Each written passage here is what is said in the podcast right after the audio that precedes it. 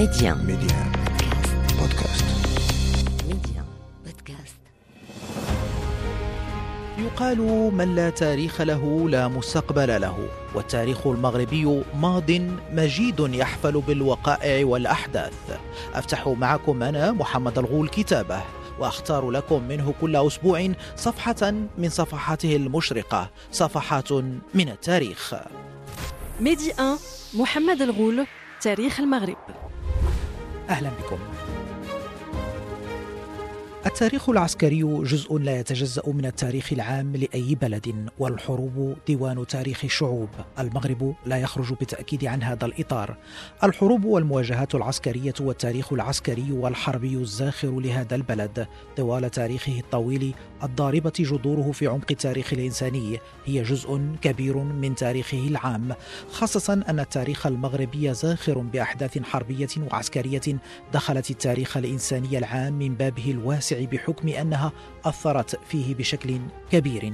مع ذلك نلاحظ ضمن ما يلاحظه المهتمون بالتاريخ المغربي أن هناك ندرة كبيرة في المصادر المهتمة بالتاريخ العسكري لهذا البلد وقلة في الأبحاث والدراسات العسكرية التاريخية.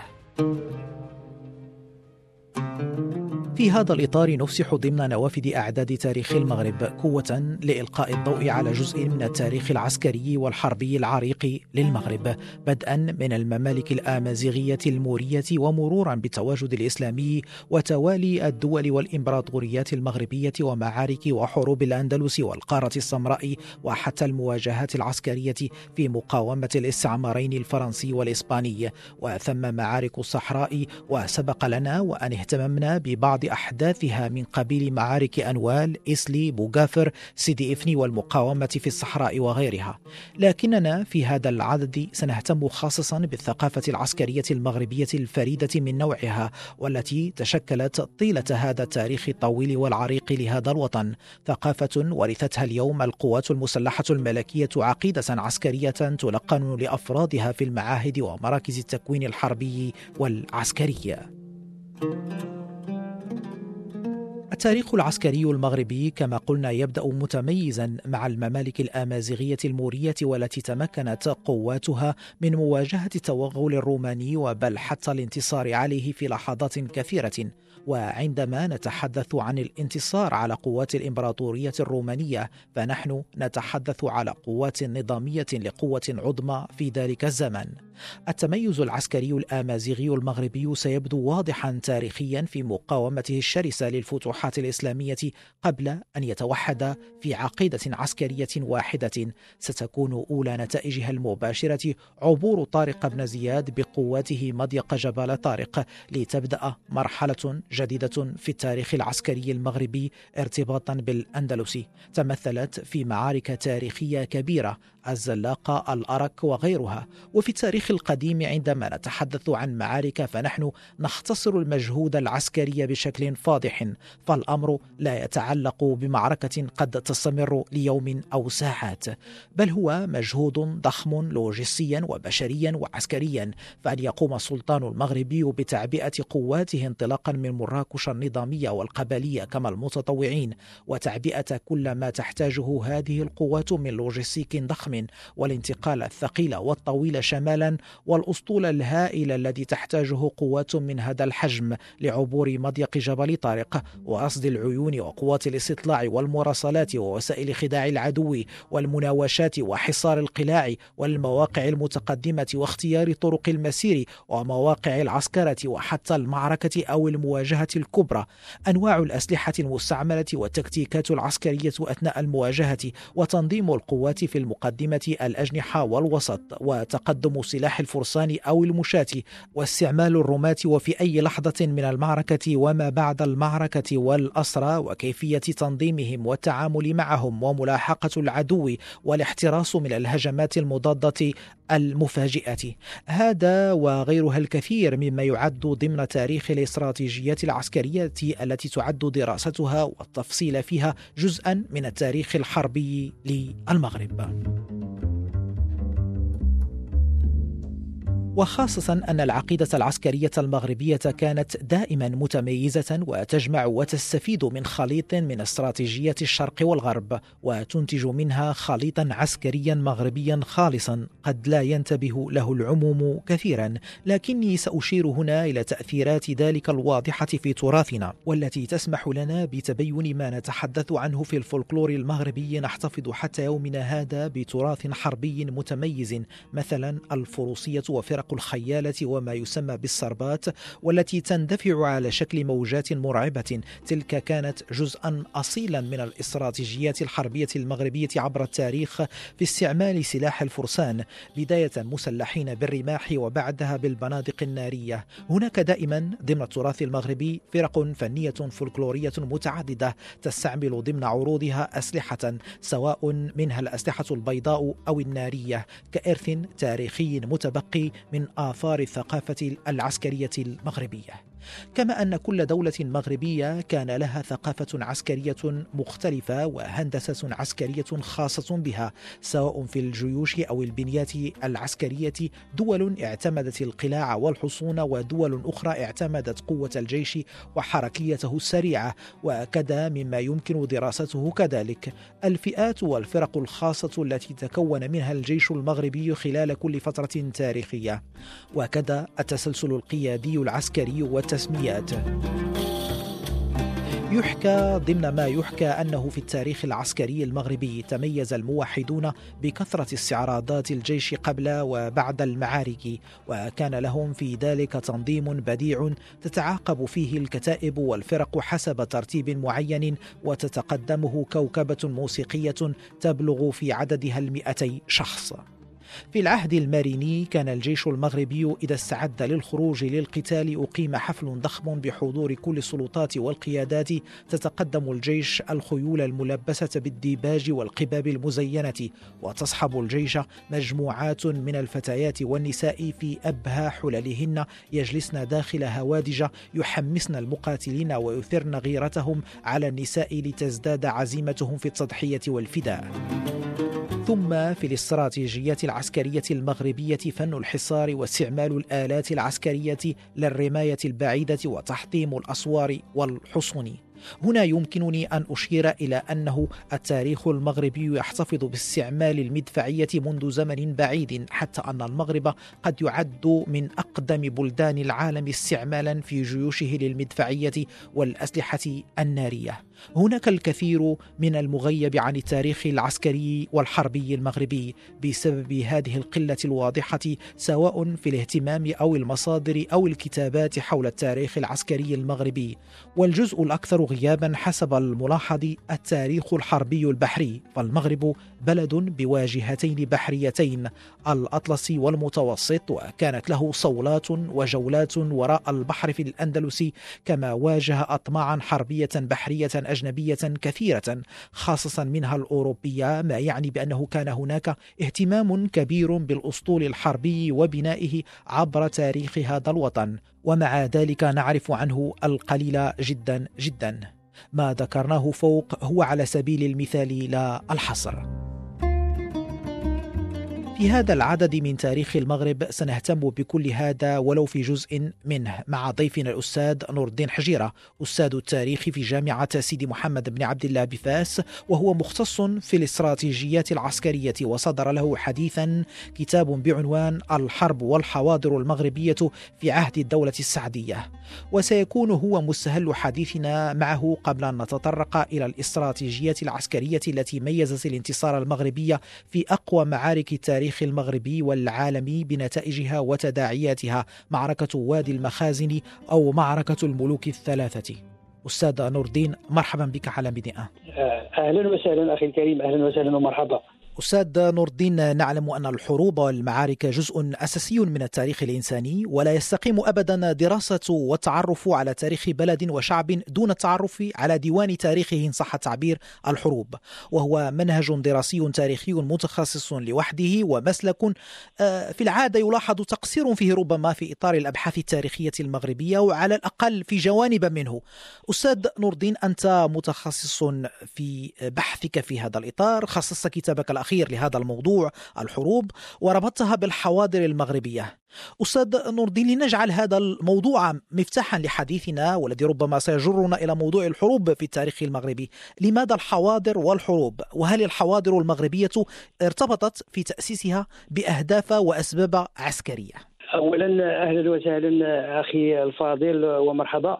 فعلا موضوع موضوع كتابي كان حول الحرب والحواضر في العهد السعدي أي في عهد الدولة السعديه القرنين السادس عشر والسابع عشر. وقد يتساءل البعض حول سبب اختيار هذا الموضوع في هذه المرحلة بالضبط وفي هذه الفترة الحرجه من تاريخ المغرب. وهذا في اعتقادي يرجع إلى يعني كون هذه الفترة فترة حرجة يعني فترة شبه استثنائية بالنسبة للتاريخ المغربي. لا لشيء إلا لكون أن المغرب في هذه المرحلة عاش يعني ظروفا حرجة نتيجة توافد أو يعني أطماع يعني استعمارية يعني يعني حاولت يعني التغلغل داخل التراب المغربي سواء على السواحل أو على الواجهه الشرقية. وفي نفس الوقت اللي كانت دولة فتية ناشئة دولة يعني لا زالت لا تمتلك يعني أدوات يعني المجابهة والقتال وبالتالي هناك أيضا ظروف داخلية أيضا فهذا طرح أمام هذه الدولة الفتية يعني يعني صعوبة جمة أو صعوبات جمة لمواجهة هذه الأخطار. هذه هي الخريطة الحربية التي يمكن أن نقول عنها أنها خريطة حربية يعني عاشها المغرب في هذه الفترة. وترتبت عنها يعني مجموعة من المواجهات والحروب بشكل استثنائي يعني كانت سلسلة يعني آه كثيرة جدا من المواجهات في ظروف يعني جد حرجة. فاولا على السواحل هناك الغزو الابري آه العملي أي أي احتلال ثغور ثغور على السواحل. يعني أغلب الثغور يعني احتلت من طرف البرتغاليين خاص بشكل خاص يعني السواحل الأطلسية. ثم هناك على الواجهه الشمالية هناك ثغور محتله من طرف الاسبان وهذا يمكن أن نتحدث عن من تجوز ضده الحرب شرعا أي بلغة العصر المسيحيون الإيبيريون الذين يعني جاءت الدولة السعودية. حتى هناك من يقول أن الدولة السعودية جاءت من أجل هذا الغرض أي لمجابهة الأجانب يعني في هذه الثغور أو في هذه المجالات. ثم هناك تحدي آخر وهو يعني من لا تجوز ضده الحرب شرعا وهو الدولة العثمانية.